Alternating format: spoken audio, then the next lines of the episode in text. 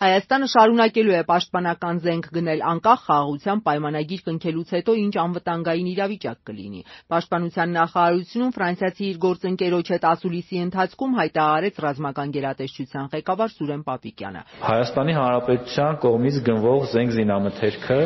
ուղղված չէ որևէ երկրի նկատմամբ ագրեսիայի։ Իհարկե չեմ կարող հերքել, որ կա վտանգ, եւ այդ վտանգը տեսանելի է առկա հռետորաբանությունից եւ մեր պարտավորությունն է պաշտպանել մեր երկրի տարածքային ամբողջականությունը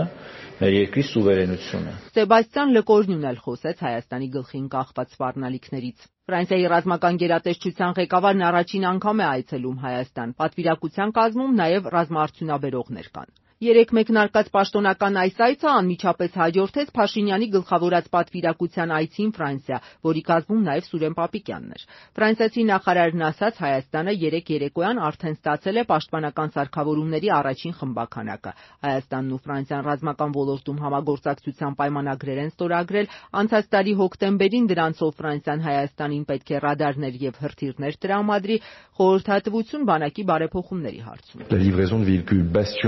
Երեկ երեկոյան դուք արդեն ստացաք գիշերային տեսողության հեռադիտակների առաջին խմբաքանակը։ Բաստիոն զրահամեքենաների խմբաքանակ նույնպես կլինի։ Շատ չմանրամասնեմ, թե ինչ սարքավորումներ են գալու, բայց բոլորն էլ պաշտպանական նշանակության են, որովհետև այս տարածաշրջանում առաջնահերթ է եւ բնակչության եւ սահմանների պաշտպանությունը։ Որևէ մեկը չի կարող քննադատել Հայաստանի բանակին իր պաշտպանության ունակությունները ուժեղացնելու համար։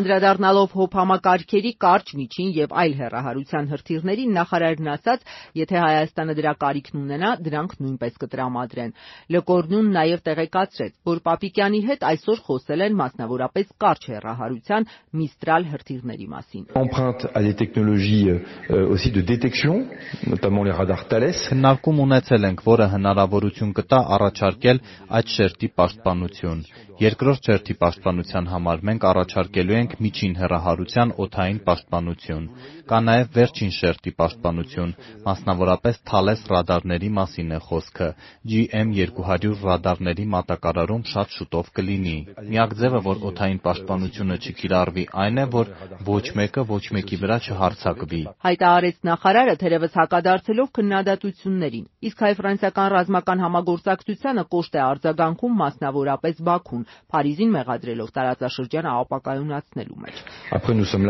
Մենք Ֆրանսիան ենք, մենք թույլ չենք տա, որ մեզ վախեցնեն։ Հայ-ֆրանսիական հարաբերությունների խորացումը արդյոք չի հակասում հայ-ռուսական, նաև ՀԱՊԿ ռազմական դաշինքի շրջանակներում ստանձնած պարտավորություններին։ Արդյոք ստուգել են արևմտյան խիստ պատժամիջոցների տակ գտնվող Իրանի տրամադրությունները, հարցնչեց։ Իրանի մասով կարող եմ ասել, որ հայ-ֆրանսիական համագործակցությունը հանուն Հայաստանի Հանրապետության է եւ որևէ մեկի դեմ չէ։ Եվ երկրորդը կարծում եմ դա մեր իրավունքն է համագործակցել եւ Ֆրանսիայի հետ, մեր իրավունքն է համագործակցել Իրանի հետ եւ դա իգիտություն պիտի լինի բոլորին։ Մեր ֆրանսիացի գործընկերները հարգում են մեր համագործակցությունը այլ գործընկերների հետ, մեր իրանցի գործընկերները հարգում են մեր համագործակցությունը այլ գործընկերների հետ, կարծում եմ նույնը մեր ռուսաստանցի գործընկերները պիտի անեն եւ մնացած մեր բոլոր գործընկերները, որովհետեւ Հայաստանը ունի տաբուներ